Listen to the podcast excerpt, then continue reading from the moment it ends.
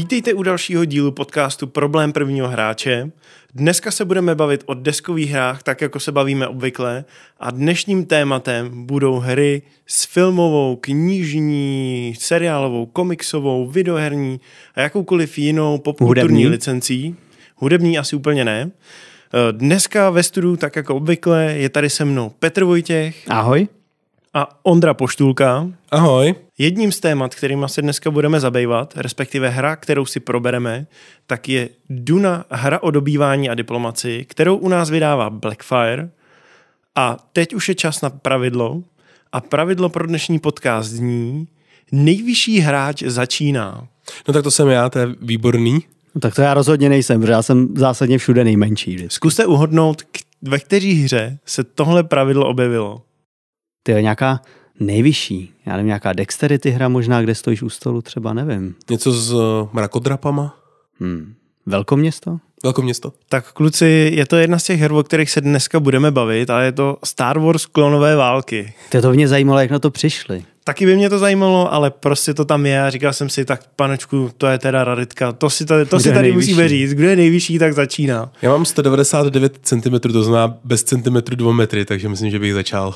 Já myslím, že kdyby si Petr vzal nějaký podpatky nebo Tak štafle, bych furt tak, neměl 199 cm. Možná ty štafle, ano. ano. kdybys to dorovnal jako hřívou, ale tak tam to asi jaký nevyhraješ. hřívou. Ty. Tak to, jsou, to už je dávno, dávno, kdy jsem měl nějaký vlasy.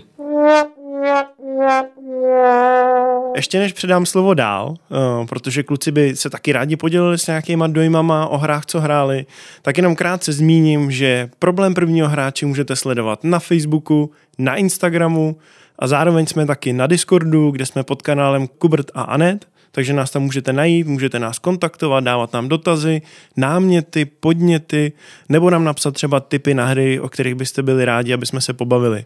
A nebo si je zahráli. A nebo si je zahráli.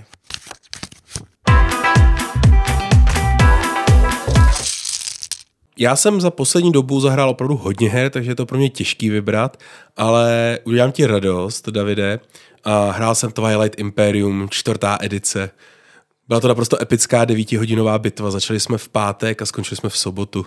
Tak to já ti strašně moc závidím a přál bych si, abych se takovéhle bitvy epické devítihodinové mohl účastnit. Hráli jste i s rozšířením nebo bez? Hráli jsme bez rozšíření a um, ta hra byla poměrně jednoduchá v tom smyslu, že se sešli hráči, kteří už to dlouho nehráli, to znamená, nikdo nevymýšlel nějaký složitý strategie, byli jsme rádi, že jsme to vůbec dostali na stůl. Jestli tu hru neznáte, tak je to obrovská vesmírná strategie, kde vlastně splňujete všechny ty 4x, něco objevujete, něco zkoumáte, něco mm, zprovodíte ze světa. A ještě jedno x jsem určitě zapomněl, ale ta hra jako taková je opravdu obrovská, dlouho, dlouhá, trvá dlouho.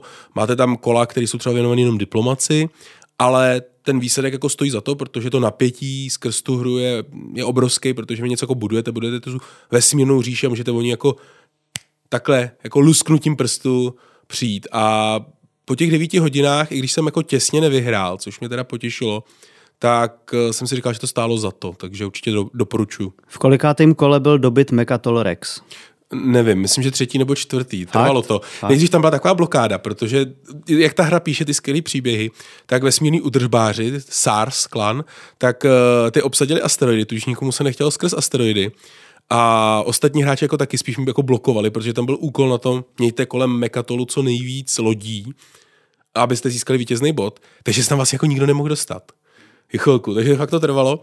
Já jsem jako lidi nejdřív jako se zamíroval s jedním, uh, zavyhrožoval druhýmu a v podstatě jsem se tak jako rost tu svoji expanzi, až jsem vytvořil odstrašující armádu, se kterou jsem vlastně většinu hry neudělal vůbec nic. To mi vlastně připomíná, že dnešním tématem jsou hry podle licence a Twilight Imperium žádnou licenci nemá, ale pokud bych chtěl hrát hru, která mi extrémně bude připomínat ten svět Star Wars, tak tohle mi přijde, že je přesně ono, jo? ten expanzivní vesmír, ty různé rasy a velký boje a to mi přijde jako skvělý úplně. To určitě, ale v podstatě Twilight Imperium licenci vytvořilo, protože už podle něj vychází komiks a vychází už nějakou chvilku. Takže A taky Určitě byly to- další hry, nejenom tato. No určitě už je to docela značka a v podstatě se to do té popkultury nějakým způsobem dostalo samo. Já bych chtěl vidět nějaký film z Twilight Impera, víš, jak tam jsou ty obchodníci, ty lvy vesmírný a pak ty želvy a pak nějaký vražedný rostliny. To by byl úplný bizár. Někdy se možná na Netflixu dočkáme. Uh, Petře, co ty si, co, co si zahrál pěkného? Máme tady dneska takový Blackfire okénko, to vypadá, protože já jsem taky dostal na stůl hru od Blackfireu. Uh, je to docela novinka, jmenuje se to Challengers. Představte si, že v karetní hře většinou si líznete pět karet a z nich třeba jednu nebo dvě, který se vám zrovna hodí jako zahrajete. Tak co kdybych vám řekl, že v Challengers si líznete jednu kartu a přesně tu jednu kartu musíte taky zahrát. To zní docela dobře, co? To zní jako, že máš spoustu možností, co můžeš dělat v tom tahu. To zní jako problém vyřešen, nemusím moc přemýšlet. tak, tak, ale nemusíte se bát. Já když jsem četl ty pravidla, tak jsem si říkal, ty co to je? Ale není to tak hrozný, tady ta část, jak to zní, protože ta hra vlastně spadá do kategorie deck building, nebo možná spíš deck construction.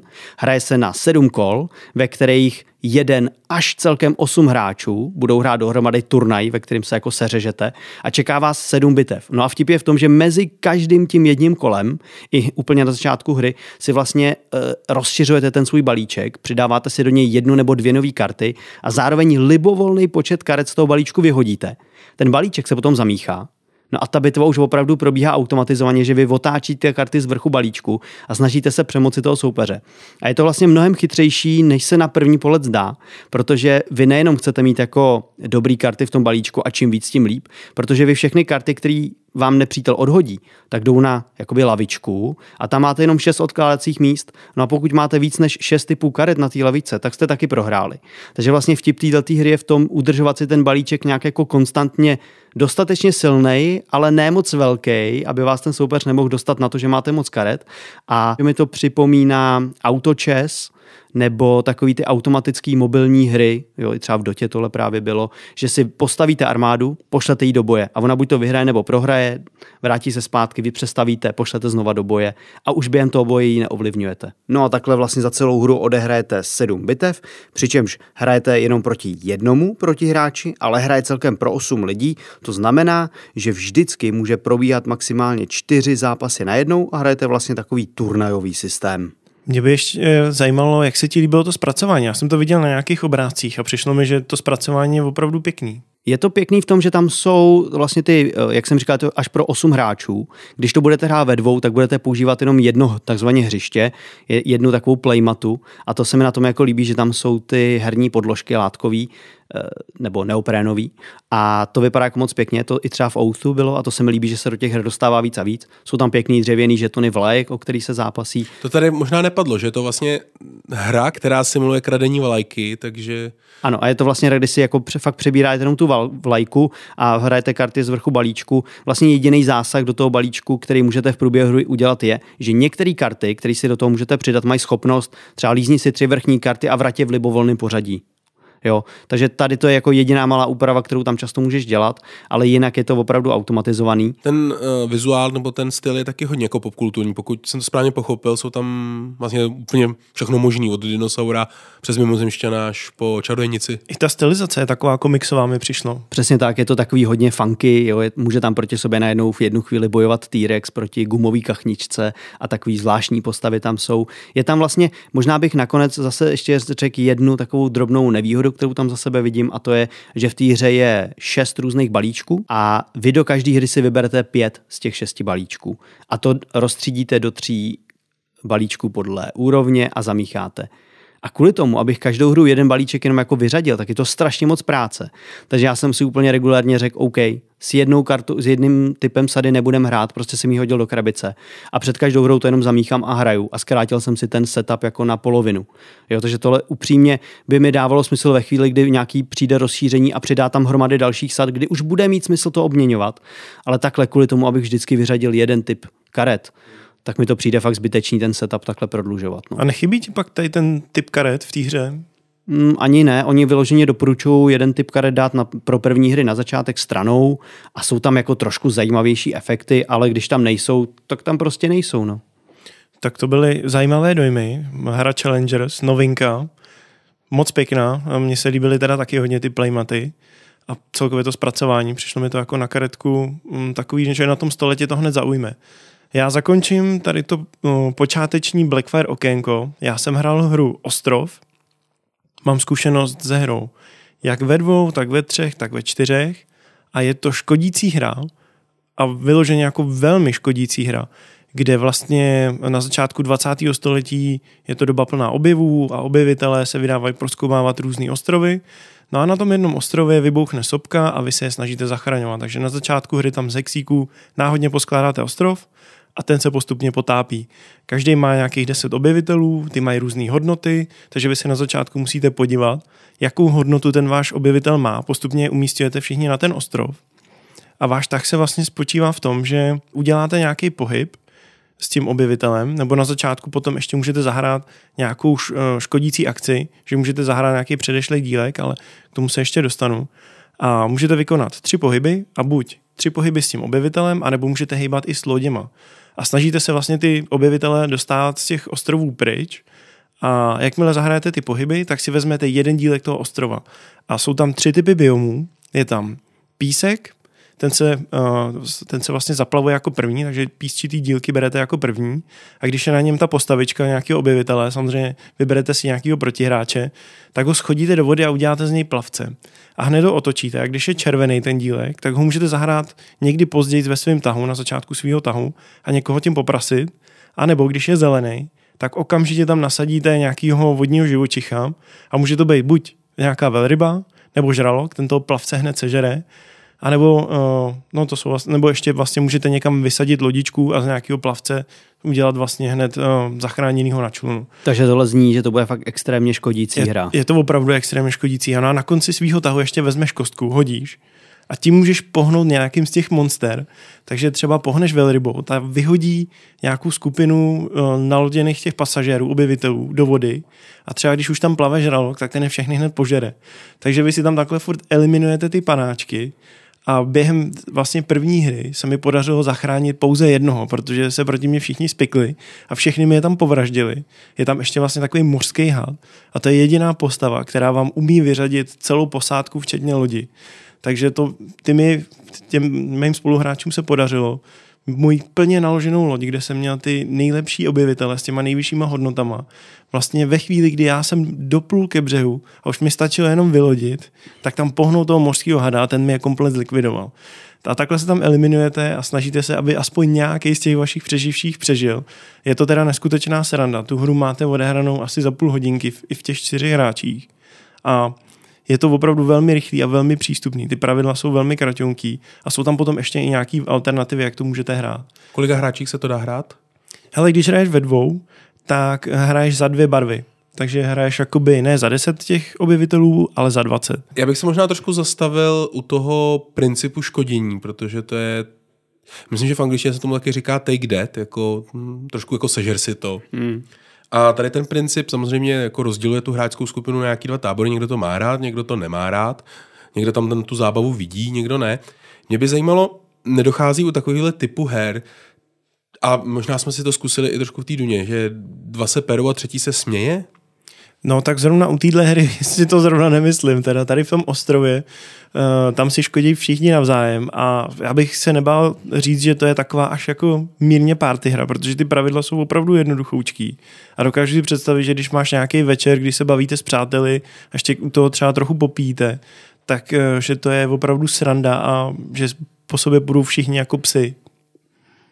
No, tady je otázka, jestli jestli musíš jako dát ruku do ohně za ty přátele, že víš, že takovýhle typ her mají rádi. Ale určitě jsou lidi, kterým eh, škodící hry vadějí a těm bych to jako rozhodně nedoporučil, ale i třeba vlastně pokud máte děti, tak eh, třeba důležitá věc je naučit děti to, že když prohrajou nebo se jim nedaří, takže to prostě k tomu patří, že to je součást toho zážitku.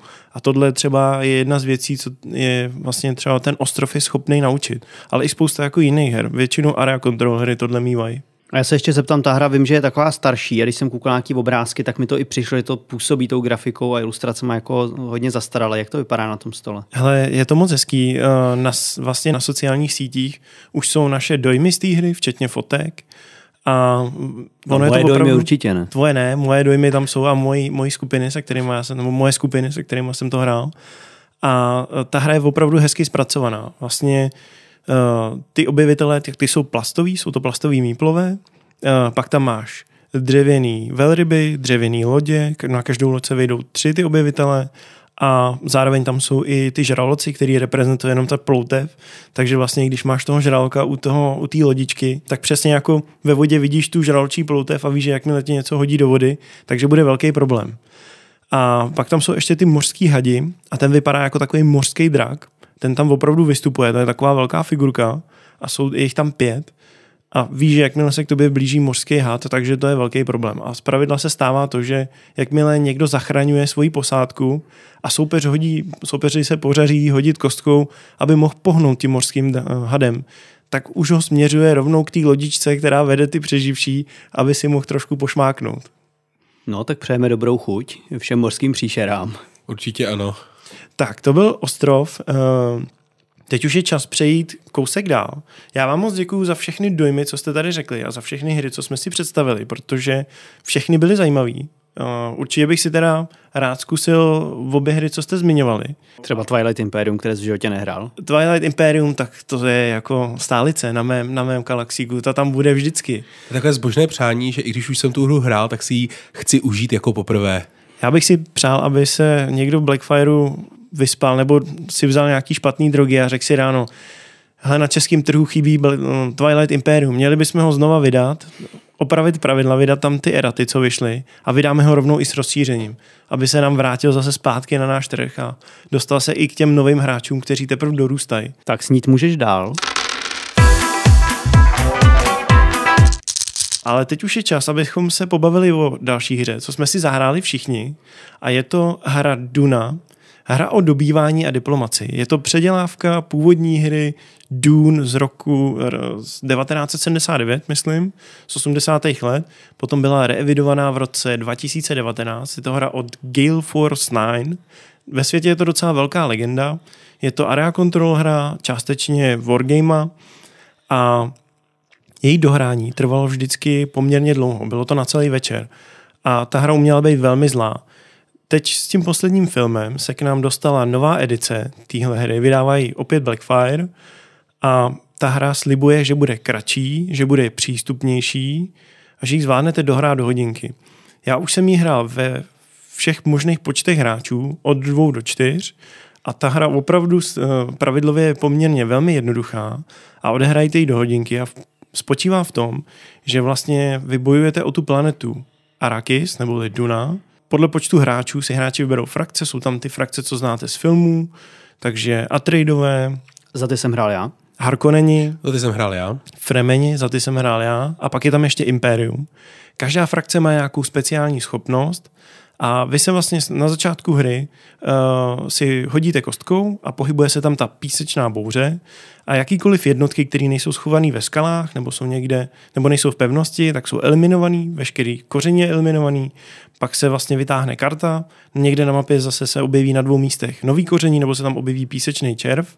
Fremeni mimochodem na těch červech umějí jezdit, takže ta hra umí být i dost jako nelítostná už od začátku, že vás dokáže eliminovat, než vlastně do té hry vstoupíte. Já bych tady možná do toho rovnou skočil a řekl, že to je třeba oblast, která mi přišla docela dobře tématická v té hře. Určitě. Protože kdo jste viděl film nebo četli knížky, tak víte, že když je někde nějaký výron toho koření nebo když se někde objeví červ, tak je to dost nebezpečný. A to přesně se tady děje. I když se někde třeba objevuje nový koření, tak je to vlastně dobrý pro tu hru, protože pak máte o co bojovat. No ale pokud tam zrovna stojíte, kde se objeví koření, tak vás to pěkně sejme. To samý ten červ samozřejmě. Kromě těch fremenů, který, který na tom můžou jezdit. jako Přesně, využijou ještě pohyb navíc díky tomu. Fremeni umějí přežít i kdekoliv, vlastně, kde se ta bouře objeví. A ta bouře zlá i v tom, že ta nezabije jenom uh, všechny jednotky na tom poli, kde se objeví zrovna, nebo kde skončí, ale i přes všechny pole, vlastně, přes který se prožene, tak všechno eliminuje. My jsme a... měli hnedka nějakým prvním druhém kole, že se to pohlo o šest a prostě... A... Ano, hodil jsem to tak epicky. Velká část mapy byla smazaná. Takže eh, ty jednotky se tam vel, velice rychle točí, velice rychle se tam eliminuje. Opravdu uh, vy tam máte vlastně na mapě vlastně oddělený dílek, kam dáváte ty eliminované jednotky a velitele. A těch jednotek tam během prvních pár kol bylo opravdu hodně, že kdybych si ty, že to nevzal do ruky, tak můžu sypat jak písek. No bylo to takový písečný nebe. Bylo to písečné nebe. Každý hráč má nějaký bojové karty, jsou tam útoční karty, obrané karty, ještě si můžete kupovat karty tržiště, co vám dávají nějaké schopnosti navíc. A pak už se jde na věc. Eh, padlý jednotky si můžete oživit, dvě máte vždycky zadarmo, nějaký si může, další, každou další si můžete zaplatit za dvě koření a pak už se nasazuje na mapu a vy si můžete nasadit tolik jednotek, kolik máte koření a vykonat až tři pohyby s tou skupinou jednotek. Eh, zároveň Fremeň mají výhodu, že pět jednotek dostanou zdarma, každá další jednotka se potom už platí No a pak už se vlastně obsazují ty pevnosti, protože vítězem se stane ten, kdo od třetího do pátého kola dokáže, nebo na konci třetího, čtvrtého nebo pátého kola, dokáže ovládat alespoň tři pevnosti, což je poměrně obtížné, jak se kluci přesvědčili, protože jsme se tam na těch pevnostích neustále třískali. Což je asi účel té hry, aby se o ty pevnosti bojovalo. Oni jsou celkem čtyři na té mapě, ne? Je jich tam pět. Pět, aha, tak se určitě jednu když se, hraje, když se hraje ve dvou hráčích, jak se jedna pevnost zakryje. A vlastně pak už se jenom sbírá koření a takhle se jede, je to vlastně hra na pět kol, je, jsou tam, projedou se vždycky všechny tyhle fáze a je to opravdu rychlý. Těma fázema proběhnete jako nůž máslem. Já bych vlastně... že je to až moc rychlý. A mně to teda přišlo, nebo můj dojem je takový, že na hru, ve který si jako je to area control a chci tam jako se trošku mít pocit, že tam držím nějaký území, tak vlastně spíš to bylo soustředit nějakou útočnou údanou jednotku a rychle jako vymazat ty důležité body, anebo o ně teda přijít díky tomu, díky té bouři nebo, nebo písečným červům nebo vlastní neschopnosti, ale celkem to jako uběhlo rychle a vlastně kde nic tu nic, jako zbylo mi dvě jednotky, pokud se dobře pletu, pokud se dobře nepletu. Je to takový kompromis vlastně mezi tím krátkým časem, kde ale u těch her do hodiny to velmi často znamená, že jsou dost silně netématický. To ale tady teda není pravda. Je tady fakt několik oblastí, kde ta hra zůstává dost tématická. Ty jsi nezmínil mechaniku zrádců. Vlastně na, kaž- na začátku hry každý dostane kartu zrádce. Harkonení dostanou čtyři karty zrádce. A ta vlastně funguje tak, že když máte s někým bitvu, tak ten pro, vy vždycky nasazujete jednotku velitele té armády. No a když protivník proti vám zahraje kartu velitele, kterýho vy jste jako zrádce, kterýho vy zrovna jste nasadili, tak automaticky prohráváte. Mohli jsme to vidět v tom filmu novým z roku 2021, kdy vlastně ten rod Atreidu tam měl toho lékaře rodinného a ten je zradil. Doktor Hui. Doktor Hui. Pak se teda to snažil nějakým způsobem aspoň trošku zmírnit, ale vlastně díky tomu, co on udělal, tak eh, Harkonneni je tam během chvilky vygumovali z mapy. A tady ten pocit budete mít i v té hře. Ta hra je opravdu silně tématická. Už ty schopnosti, co mají jednotlivé frakce, tak jsou hodně tématický. Ty Harkonneni, ty mají spoustu těch zrádců, protože mají hodně peněz a mají spoustu kontaktů, vládnou tak trošku strachem. Uh, a tradeové, ty zase mají nejvíc velitelů, protože to byl rod, který měli vlastně všichni v oblibě a hodně si potrpěli na tu schopnost nebo respektive vycvičenost v tom boji. Byl takový hodně vojenský národ. No ono to v podstatě u mě znamenalo, že když mi nějaký velitel umřel, tak jsem ani nepřemýšlel nad tím, že bych ho oživoval, protože jsem měl další v zásobě. Tak, když to my jsme těch velitelů měli v podstatě méně a zase Fremeni, ty mají nejméně velitelů, ale mají nejsilnější. Umějí jezdit na těch eh, písečných červech, umějí přežít v místech, kde se prožene bouře a zároveň si v každém kole můžou zdarma umístit pět jednotek na mapu, což umí být jako dost silná schopnost. Ale zase eh, od začátku mají nejméně koření. Takže ta eh, hra každému dává nějakou schopnost, plus třeba to Imperium, to umí to, že vlastně vy od začátku hry, když si někdo nakupuje karty z tržiště, tak peníze za to, nebo koření za to jde vám. A zároveň můžete používat hlas, který jsme mohli vidět ve filmu. A to znamená, že někomu můžete přikázat, aby proti vám použil nějakou útočnou kartu nebo obranou kartu, anebo mu to naopak můžete zakázat. A Atreidové naopak ty zase měli dobrou rozvědku, takže ty se můžou podívat na buď to, kolik jednotek použijete v tom boji, jakýho velitele, anebo jakou kartu útočnou nebo obranou použijete. A v tom souboji je důležité to, že jakmile se střetnou dvě armády, tak vy máte takový bojový kola a podle počtu jednotek, kolik tam máte, tak určíte, kolik jich pošlete do toho boje, jenže ty jednotky, co pošlete, tak zemřou. Takže vy se musíte snažit spočítat si, kolik jednotek tam dáte a zároveň jakýho velitele nasadíte, protože ten má nějakou číselnou hodnotu a o to vám modifikuje ten souboj, abyste to z toho soupeře porazili, ale zároveň, aby vás tam kompletně nevymítili na tom místě. Jak vám přišel třeba tady ten soubojový prvek uh, v nějakém plánování strategie, kluci? Ale mě to spíš jako vadilo, teda musím říct. Jedna, opomenu to, že to kolo je děsně nepraktický a nepřešel jsem na dobrý způsob, jak tam nastavovat uh, velitele, otáčet jednotky, přidávat až vlastně tři karty a jako nějak to držet v ruce a nějak s tím operovat, to, to jsem fakt ne, nepochopil.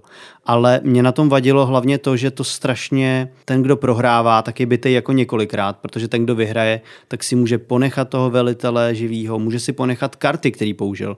Takže třeba pokud já mám proti jednomu hráči bitvu několikrát po sobě a někdo mě porazí tím, že mi zabije velmi silnou kartu velitele a ještě si tu kartu nechá a může ji pak použít znova, když už tuší, že proti ní nemám obranu, tak, to dokáže být do smrtící a vlastně v té naší hře v tom posledním kole mě tohle vlastně rozjezdilo, že já jsem sice měl nějaký výhody jako ten uh, Atreides, ale prostě fakt mě porazilo to, že jsem neměl na ruce dobrý karty a věděl jsem, a ty jsi vlastně už tušil, že já ani ty dobré karty nemám proti tobě a prostě z toho mohl jako použít, jak, se, jak si chtěl. No. To jsem mohl. Na druhou stranu, vy jste zase dost pojezdili mě, protože jste si řekli, tak nakonec on si vyhrál, tak On nevím. je blízko vítězství, tak jdem na něj. Což jako bývá takový problém u area kontroler, že vždycky, když se někomu daří, tak se na něj se běhnou vlci a jdou si kousnout. Takže kluci si šli kousnout. Naštěstí jsem to nějak ustál a nakonec jsem vyhrál. Jak vám to přišlo třeba pravidlově, ten vstup do té hry? Jako to mi přišlo super jednoduchý, to, to je zase dobrý. Jo, není problém to opravdu vysvětlit, ani když nedáváte pozor, tak se dvěma nebo třema zídavýma dotazama to začnete hrát úplně bez problému. A na tu herní dobu se koukáte jak? Že to vlastně uběhlo, my jsme to během půl hodinky měli odehraný. Mně se ta herní doba vlastně nelíbila. Já nejsem úplně velký příznivce zkracování her vůči komplexi, komplexnímu pojetí. Radši mám, když uh, klidně hra trvá hodinu a půl nebo dvě hodiny, ale ještě tam prostě nějaká fáze ekonomie nebo budování nebo přípravy na válku a pak teprve teda, když se to strhne. Možná protože ve mně zůstal ještě ten zážitek z toho Twilight Imperia, tak, eh, tak, tak vlastně jsem čekal, že trošku to tam jako rozvinu, rozvinu si ty síly, eh, udělám si poziční nějaký stanoviště, řeknu si tady má smysl být, tady nemá smysl být a, a najednou jako najednou byl konec. No. To mně se zase líbilo tohleto. Já jsem docela rád, když ta hra umí odvyprávět nějaký zajímavý příběh v krátkém čase. Bylo tam několik zajímavých momentů, odehrálo se to pod hodinu a to mi přijde, že zase málo která takováhle hra umí. Takže eh, v tomhle ohledu se mi to líbí. A jasně, trošku jsem nebyl odvařený z toho, že jsem fakt měl pocit, že ta hra preferuje toho výherce, ale, nebo že spíš tomu hráči, když jako jednou prohraje, tak eh, je to blbý, když prohraje dvakrát, tak jako může to zbalit tady domů. Ale Zase se mi líbilo to, že to je tak rychlý, že si teoreticky můžeš říct, hele, tak pojďme dát odvetu a třeba budeš mít šanci příště. Ano, přesně na tohle jsem měl chuť říct, jako pojďme to rovnou postavit znovu a teďka už to jako chápeme a zkusíme něco jiného. V tomhle to je to dobrý, to je pravda. Když máte hru, která se dá odhrát relativně rychle, tak během toho herního večera ji zvládnete dvakrát, třikrát a, a můžete si zkusit několik strategií, které jste předtím třeba nevyzkoušeli. To je pravda. Tohle byla naše, naše okýnko o hře Duna, hra o dobývání a diplomacii. A teď se přesuneme dál v tom tématu, kde, se, kde si popovídáme ještě něco málo o těch hrách s nějakou licencí, jak jsme si říkali, filmová, seriálová, komiksová, knižní, prostě nějaká popkulturní. Máme tady hry, které jsou přímo postavené na míru nějaký licenci a pak tady jsou hry, které existují na nějakým systému, který už existoval a jsou na něj navlečený. Můžeme si jmenovat třeba Star Wars, Klonový války, což je Pandemic, uh, World of Warcraft, Pandemic, Cthulhu Pandemic, No ale pak tady máme i hry, které jsou přímo postavené uh, pro nějaký, nebo respektive ten systém je jim podřízený, jsou postavený tak, aby využívali licenci, což je třeba ta Rebelie. Nebo třeba Marvel. Uh, Marvel hry, Marvel United, přesně tak. Uh, tak co by, co, jak se na to díváte třeba vy, kluci? Jak se na to díváš ty, Ondro? Já bych řekl, že někdo, když kdo má licenci a udělá netematickou hru, tak asi odvede svoji práci velice špatně. A myslím si, že chválit hru, která je podle filmu nebo seriálu nebo komiksu za to, že respektuje licenci, je trošku jako chválit za to, že tráva roste. Prostě mně přijde, že tam už je to prostě nastavený. Máš hru o Duně, máš tam Harkonneny, tak prostě musí být takový, jaký jsou. Nemůžou být záškodníci. Prostě oni v tom světě vládli, tak je jasný, že už je jako nastavený, že ty herní mechaniky prostě jim budou sedět uh, tady tím způsobem na míru. Um, je tam trošku problém v tom, že hráči nebo obecně lidi nebo součást toho, že máme hru, je i, že objevujeme nějaký svět, jako je to třeba teďka u Outu, kdy prostě objevujeme svět a je pro nás překvapující. Samozřejmě existuje spousta lidí, kteří mají rádi licence, jako je Marvel a podobně, a prostě si řeknou, hele, to je super, prostě můžu si ještě tu svůj oblíbenou, ten svůj oblíbený fan svět ještě jako rozšířit o nějakou deskovku a tak. Takže myslím si, že je to trošku dvojsečná zbraň v tomhle, i pro mě. Co ty, Petře? No, já se na to dívám asi trochu jinak než Ondra. Vlastně ta hra může jako velmi přesně kopírovat nějakou tu licenci, ale to nutně nemusí být znamenat, že je to dobrá hra, jenom prostě dobře kopíruje tu licenci, ale může to být o to nudnější. Mě třeba baví, když ta hra v tom světě té licence umí přijít s něčím novým a přesně jak si zmiňoval, jako nečekaným. Jo. Třeba, třeba ta Star Wars Rebellion prostě dokáže v těch nějakých mantinelech Star Wars odvyprávět úplně nový příběh, který tě vlastně překvapí, ale využívá věci, které znáš a dávají ti smysl. To samý je teďka ten eh, vlastně pán prstenů nový. Válka o prsten. Přesně tak, válka Já o prsten. Souhlasím, to je v tomhle perfektní. A, a to se mi líbí. A přesně když je ta hra, která jenom jako kopíruje ten film nebo kopíruje tu knížku, tak mi, tak mi to vlastně ani tolik nebaví a mám to i teda stejně u videoher. A jsem rád, když to jako umí trošku využít uh, toho světa jinak. A ještě jsem k tomu chtěl vlastně přidat jeden pohled, že nesouhlasím s tím, že by bylo daný, že ta hra by měla třeba, když, že Harko není nějak fungují, tak tak budou fungovat ve hře.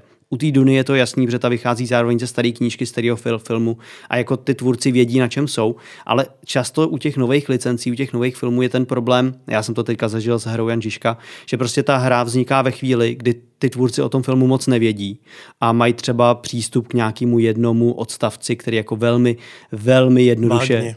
velmi vágně popisuje, o čem to bude a ty vlastně jako netušíš a teďka máš dvě možnosti. Buď to nebudeme dělat nic a do poslední chvíle budeme čekat a ve chvíli, kdy už budeme vědět, eh, o čem ten film je, tak máme strašně málo času na to na- naroubovat hru. A nebo teda budeme dělat hru, která bude jako velmi vágně inspirovaná firme, filmem a pak to třeba bude dobrá hra, která ale nebude mít nic extra společného s tím filmem. To se teda přiznám stalo trošku nám s Janem Žižkou, že je to hra, ve které je Jan Žižka, ale s tím filmem to má velmi pramálo společného, protože jsme to přesně dělali v době, kdy jsme netušili, o čem ten film bude. Takže na tohle i potřeba taky dát pozor. Samozřejmě ta Duna je v tomhle jiná, protože tam jako všichni víme, jako, co tam je. Ty knihy už tady jsou nějakou dobu. Uh, já se na to dívám tak, že já obvykle mám radši, když uh, se ta licence, respektive ty herní mechanismy podřizují té licenci, než když je ta licence navlečená už na nějaký zažitý mechanismy nebo systém. Protože mi přijde, že obvykle se víc nebo lépe pracuje s tím, když na té licenci vybuduješ tu hru, než když tu hru podřizuješ, eh, nebo respektive když tu licenci už podřizuješ nějakému hernímu mechanismu, což třeba bývá často ten pandemic. Na druhou stranu, já jsem v poslední době hrál Star Wars klonové války, což je uh, hra od Blackfireu, je to už několikátá verze Pandemiku, je to na tom Pandemic systému, je to kooperativní hra a přišlo mi, že s tou licencí ta hra pracuje velmi dobře, že tentokrát uh, stejně tak jako vlastně ten Warcraft, který byl dva roky předtím, ale tím, že já třeba mám radši Star Wars, tak mě to bavilo podstatně víc. A vy tam běháte na mapě s těma Jedijeme. Každý Jedi má nějakou speciální schopnost. Navzájem se můžete podporovat. A vlastně svádíte tam ty souboje. Opravdu vezmete kostku, máte ještě nějaký karty, které vám to můžou podpořit a prostě jdete a jdete to tam pokosit. A v té hře je pět zlounů, pět zlosinů, jak tomu říkají pravidla. Z nichž nejtěžší je hrabě Duku, který tam sebou tahá ještě dva poskoky. Je to Asai Ventress a generál uh, Grievous a různě se vám objevují po té mapě a snaží se vám škodit. Ano, hello there, to tam musí zaznít vždycky, když máš objevana a střetnou se. A opravdu tam uh, je to o tom, že cítíte ten tlak, jak uh, vlastně vzniká ta invaze od těch separatistů, kterou se snažíte zastavit.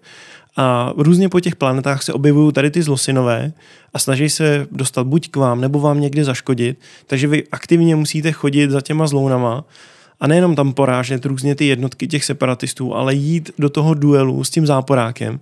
A tady těch duelů s těma záporákama si tam užijete opravdu hodně a máte pocit uh, toho, že vlastně jste ta skupinka těch Jediů, kteří lítají po té galaxii a snaží se udržovat ten mír a bojovat vlastně s tím zlem. A to mi přišlo velmi povedený. A teďka by mě zajímalo, čím to je, jo, protože ty si zároveň taky zmiňoval, že, že tolik nemáš rád, když se jako eh, to téma navlíká na už fungující systém, ale teď jako tady jsme ukázali dvě hry, kde to funguje moc dobře. Tak. A čím to je ten pandemik jako tak jednoduchý a přístupný, že opravdu je otevřený jako čemukoliv? Ten pandemik mě totiž přijde jako hodně dobře oskoušený prototyp kooperativní hry, kdy má za sebou opravdu hodně vývoje, hodně rozšíření i té základní krabice, má za sebou dvě sezóny Legacy a prostě to funguje. Funguje to, protože ta ovládání té hry není složitý, je jednoduchý, intuitivní a šíření té nákazy nebo šíření těch uh, pracování s tou mapou, jak vlastně já bych možná odskočil od té úrovně her, ale pojďme si říkat něco o tom, jak je to vlastně, jak to spolu komunikuje, ta licence třeba herní, jako myslím videoherní a ta desková, protože také do toho promítá se očekávání hráčů, protože tady jde třeba člověk, který je fanoušek počítačové hry nebo mobilní hry, třeba Kingdom Rush a říká si, já tu mobilní hru mám hrozně rád, je to super a bylo by skvělé podle toho mít deskovku. Ale mám pak někdy pocit, že ty hry podle licence jsou vlastně jenom takový suvenýry. Takový něco jako do suvenýr shopu pro, pro pro různé obchody, pro různé obchody s PlayStationem, s vybavením do datartu, do GRCčka a prostě je to něco, co třeba nemusí díky tomu mixování, já myslím, těch dvou světů úplně natknout všechny. Já to vidím tak, že já když k těm eh, hrám přistupu, tak jsem vždycky trošku opatrný, protože se přesně bojím, že to takhle dopadne, že někdo jenom využil licence, aby se to ty fanoušci té původní značky koupili a pak to bude trash. Ale nemusí to tak nutně být, protože ta hra má vlastně šanci přilákat lidi, kteří třeba o deskovky se nutně nezajímají, ale mají rádi pána prstenů, Star Wars nebo něco. A teďka se k ním dostane ta deskovka. A teďka ta hra podle mě jako musí být dobrá, aby ukázala, že deskovky jsou cool, protože když se k někomu dostane licencovaná hra, a je zároveň dobrá, tak to může otevřít dveře k tomu, že si pak někdo řekne, ty moderní deskovky vlastně nejsou tak špatný, jak jsem si myslel, a vyzkouší i něco dalšího. Takže já jsem na tady ty hry jako extrémně přísný a chci, aby byly dobrý. Takže to taky apoštolové moderní deskové. Trošku jo. A není tam trošku riziko toho teda, ještě spojený? Uh, riziko v tom ohledu, že to bude špatný. Určitě, když jako vyjde ta hra špatná a ještě jako toho někoho odradí, že si řekne, ty deskovky stojí fakt za prd, radši se vrátím k sledování filmů nebo hraní her na počítači, tak je to určitě velká škoda. Představte si, že uh, jste člověk, který vyšel z kina, tak taková hra, jako je Duna, hra o dobývání a diplomaci, rychle do toho proniknete, jsou tam všechny ty filmové propriety, ctí to ten kánon, tak si myslím, že pro takového člověka, který teď vyšel z kina a chce si s kamarádama prožít nějaký takovýhle příběh, tak to bude super. Na té mapě se pořád něco děje, je to taková ta instantní zábava, občas vás to umí pojezdit, ale to k tomu světu prostě patří, protože je drsnej.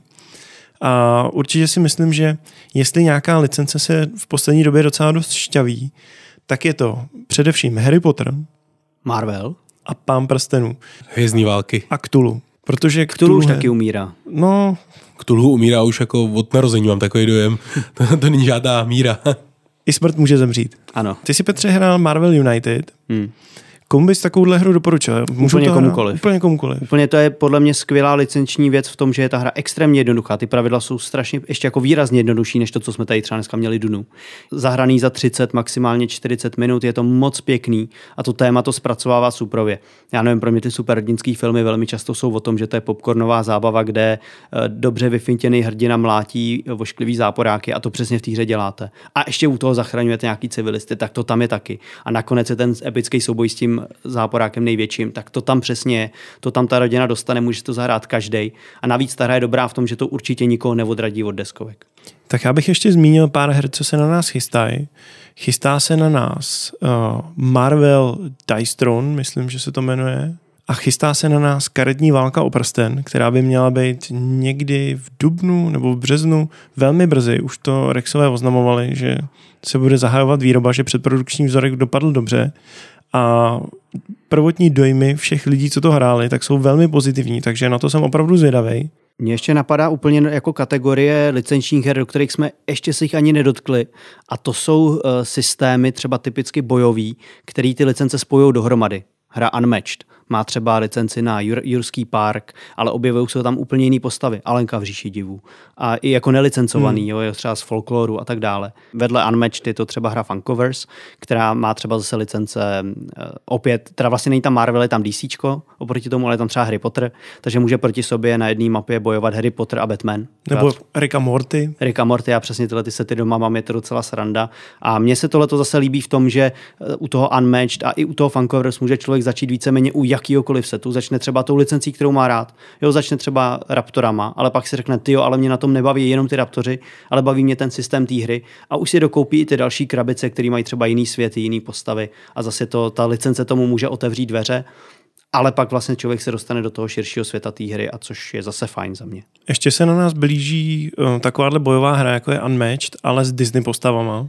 Mm-hmm. Viděl jsem něco na sociálních Sorcerer's sítích. Arena. To bude asi ono. A jak jsi zmínil to Funkovers, Petře, tak Funkovers vydali hru Návrat do budoucnosti. U nás česky nevyšla. Hmm. Je to kooperativní hra pro, myslím, že jedno až pět hráčů. Je poměrně hezky zpracovaná, velmi jednoduchá. Máte tam ten Deloran a snažíte se poslat Martyho zpátky do budoucnosti. Pokud jste viděli film, ta hra velmi věrně zpracovává tu licenci je velmi zábavná. Já se u těch licenčních věcí velmi často zamýšlím nad tím, co je jako jádrem té licence. To podle mě, že u filmu nutně nebo u knížek nemusí být jenom jako sled událostí nebo postavy, ale přemýšlím nad tím, co je opravdu tím jádrem. Tady je pro mě velmi dobrou ukázkou hra Rudy Úsvit, kterou vydalo Alby, takže snad první hra, která není od Blackfire, kterou dneska zmiňuje. To je samozřejmě nadsázka. A ta zpracovává knižní sérii, která u nás není moc známá, ale třeba v Americe nebo v Anglii je docela jako populární. A to je jako obří hra, to by mohla být klidně jako Twilight Imperium, je to prostě fakt vesmírný bitvy, tam jsou jako spousta planet a národů a je to fakt jako velký. A ale... přitom ta první kniha začíná jako taková, eh, řekněme skoro až Battle Royale vyvražďovačka yeah. a hodně jako ten Eh, ta epičnost přichází až pak eh, tak. s tou druhou a třetí knihou. Já jsem tady četl jenom tu první, ale našel jsem si o tom trochu podrobnosti. Jo, ten svět se otvírá a přesně, jako mohlo by to být všechno. Jako vím, že Jamie původně plánoval worker placement jako s různýma, tam jsou jako různý kasty, takže on plánoval různý kasty těch dělníků a mohla to být přesně 4x hra nebo něco. A nakonec on zvolil poměrně malou hru, kde si manažuješ karty v ruce, ale co mě na tom přijde úplně geniální, že já po přečtení té série jsem si řekl, co je na tom to jedno pojící, jako ta pojící linie. A je to podle mě interakce mezi různýma postavama. Ta hra opravdu není o tom, že tam jsou galaktické bitvy, ale je to o tom, že týhle lodi velí tahle postava a ta se zná s touhle postavou a mají spolu nějaký vztah. A ta hra je opravdu o tom, jaký vztahy mezi sebou mají ty postavy, jak se měnějí a to je v té karetní hře jako úplně dokonale reflektovaný, že ty, jaký karty se ti potkávají na ruce nebo na stole, tak všechny karty spolu nějakým způsobem interagují, nějak se navzájem ovlivňují a je to tam krásně jako zachovaný a to mě na tom strašně moc bavilo. To je jedna z těch věcí, co bych byl rád, aby vznikalo víc a to, abych přišel k deskové hře, řekl si, je, to má zajímavou licenci, ale chtěl bych o, o tom něco víc zjistit, přečíst si knížku, protože máme strašně moc různých krásných eh, sci-fi příběhů, Honor Harringtonová, uh, Ender's Game a podobně. A všechny tady ty uh, úžasné, úžasné licence by si zasloužily deskovku. A přitom tady máme milion Marvelů, Star Warsů hmm. a teď to jako neberte jako výtku, ale spíš prostě bohužel ten trh licencí válcují ty velký hráči. Já myslím, že v tomhle by tě mohla zaujmout hra Mind and MGMT, kterou na nás chystá Liška někdy během tohle roku. A ta vychází z francouzského komiksu, někdy ze 70. let. Je tam velmi výrazná stylistika, právě tady do toho eh, stylu, do toho vizuálu. A ta hra uh, vlastně spočívá v tom... Je to jako hidden movement. Hidden že? movement, přesně tak, skrytý pohyb. Hra se skrytým pohybem. A každá strana během toho vlastně jeden hráč něco naplánuje, nějaký ten svůj pohyb a ostatní ho hledají. A podle toho, která strana vyhraje, tak do, ta, co prohrála, tak dostane do příštího kola takovou malou krabičku, která jim dodá nějaký nové možnosti a nové pravidla do další hry.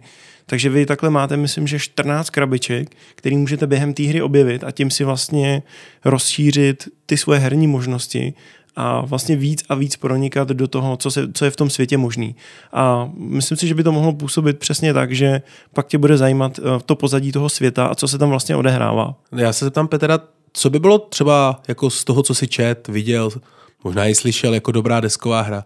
Jako jaká licenci by se rád viděl na deskovce? Ty to se mě musíš ptát někdy dopředu, že takhle vždycky vymyslet něco na místě. A to je právě nejlepší. Hele, já musím zcela upřímně říct, že já mám hrozně rád Pána prstenu, ale ty příběhy z toho třetího věku už jsou pro mě jako ohraný a zajímá mě mnohem víc období toho prvního a druhého věku, to, co je třeba v Silmarillionu. A nebo o Berenovi, jo, o Hurinovi, to jsou vyloženě, já když jsem to četl, tak jsem říkal, tohle by byla tak skvělá dobrodružná hra. Prosím, ať to někdo zpracuje, nebo je, jestli znáte hru Putování po středozemi, tak to je vlastně ovládaná aplikací. A kdyby k tomu jako vydali nástroj, aby si člověk mohl dělat vlastní scénáře, tak já bych se snad do toho chtěl pustit, abych si tady to jako zpracoval. Moderská komunita, jako v deskovkách, to ano, bylo ano. něco. Myslím, že zrovna hra jako Putování po středozemi by pro tohle byla vhodná, že by si mohl vlastně mít nějaký krátký instancovaný scénáře, hmm a dalo by ti to to, co jsi v tu chvíli chtěl. Nějaký krátký příběh, který má začátek a konec. Co art tady v těch hrách? Vadí vám fotky z filmů nebo screenshoty z videoher, nebo preferujete, když tam jsou uh, ilustrace. ilustrace? Já preferuji ilustrace, ale neuráží mě to, když tam jsou ty fotky z, z filmů. Jednoznačně ilustrace. Mě ty jako fotky z filmu taky většinou spíš vadí. Já jsem rád, když klidně vezmu fotky z filmu, ale ať je aspoň jako přejdou filtrama, filtrama. a trošku je dodělají. Hmm. Tak já to zase rozbiju. já bych se zase chtěl spíš jako vrátit k tomu, jakou deskovku byste viděli jako ideální věc, podle který by vznikla nějaká licence. Myslím tím jako komiks, film, něco, co se opravdu zaslouží jako to zpracování. Bavili jsme se o tom Twilight Imperium, OK, tam jsme řekli, že podle toho je komiks. Já bych třeba zmínil, a zase se vrátím k tomu hlavnímu náplní dnešního dílu, to Blackfire, eh, ten zombie site. Tam si myslím, že to je přesně tak jako krásně odvyprávění, ta základní, ten, ne ani sci-fi, ani fantasy, ale prostě ten základní zombie site, eh, to, jak je to jako komiksový, jak je to jako vtipný, ty hrdinové, jak tam mlátíte ty zombíky tou pánvičkou a tak dále a tak dále. Mně to prostě přijde jako vhodná, vhodný materiál na nějaký zpracování další. No to by se skoro dalo brát jako, že Zombieland, ne? Je už takový zpracovaný zombie site vtipnej. To trošku, trošku jo, no. Ale já se tohle bojím, jo. Třeba teďka, že jo, na HBO vysílá The Last of Us, pokud nesledujete, nesledujete, tak sledujte, protože to je jako naprosto vynikající. Skvělý převedení. Tak, ale na tom jako, já bych řekl, že ty videohry jsou v tomhletom ohledu jako výrazně dál a nenapadá mě upřímně teďka deskovka, která by se dala jako jednoduše převízt do nějakého koherentního zajímavého příběhu. Možná... Myslím, že se teďka mluví o Marsu. Mars formace, prej tam už se nějaký kroky podnikají. Ale tak to, to se jasně, ale to řekneš, využijeme licence toho, ale bude to prostě nějaký random film o budování jako něčeho na Marsu, ale co to bude mít společného s tou hrou, bude to využívat její značku a to je tak jako všechno. Já myslím, že v tomhle by se určitě dal zpracovat třeba Gloomhaven, který už ten příběh nějaký má. To bych zrovna neřekl. To mi přijde, že ten příběh má spíš jako slabý. To už bych řekl třeba Tainted Grill, že má jako trošku lepší příběh. Taky, taky ale já jsem nad tím přemýšlel, že třeba hodně jako příběhový pro mě jsou Arkham Horror hry a ta karetní eh, verze vypráví jako zajímavý příběh, hmm. ale ne natolik, že bych ho chtěl převádět do seriálu nebo do filmu, protože ty příběhy jsou větší, většinou dobrý díky tomu, že jsou úplně pitomí. A tam vznikají tak nesmyslné situace, u kterých se jako zasměješ. Jo, a je to, to jako, je to až jako absurdní občas, ale to tě jako na tom baví. Ale chtěl bych to sledovat jako v pondělí večer na HBO, no asi jako spíš ne. Ale tak zase na druhou stranu, když se podíváš na Evil Dead, nemyslím teď ty filmy, myslím ten seriál, tak to je takový guilty pleasure, eh, je to taková vtipná blbost. Tak jako a, možná bych si dal nějakýho, nějaký, nějakýho Lovecrafta jako guilty pleasure. Když si představíš třeba tu knihovnici, jak uh, tam mlátí ty démony knížkama, tak to by mohlo být velmi vtipný. Tak to by byla taková tečka na závěr. Tohle byl uh, náš díl o nějakých licencích, zámech popkulturních. Pořadem jsme vás, jsem vás provázel já, David, se mnou tady byl Petr a Ondra. Snad se vám tato epizoda našeho podcastu Problém prvního hráče líbila. Budeme vám velmi vděční, pokud nás ohodnotíte ve vašich podcastových aplikacích a určitě sledujte naše sociální sítě, ať už je to Facebook, Instagram nebo Discord Kubert a Anet, kde nás můžete najít taky. Takže to bude za mě všechno. Kluci se s váma taky rozloučej. Petře. Ahoj. Čau, čau. Čau, čau a uvidíme se zase příště u podcastu Problém prvního hráče. Mějte se hezky, ahoj. Můžeme na to, eh, zase dáme 10 vteřin ticho Jasný. a nezapomeňte, mluvíme do mikrofonu, snažíme se jen hrát s kabelama a ničím. Já trk jsem si tady celou hrál s kabelem a slyším to v tom sluchátku, takže Ty proto na to upozorňuju. Když dáš ruce po stůl a řekneš, já si tady hraju s kabelem, to je dost ujetý.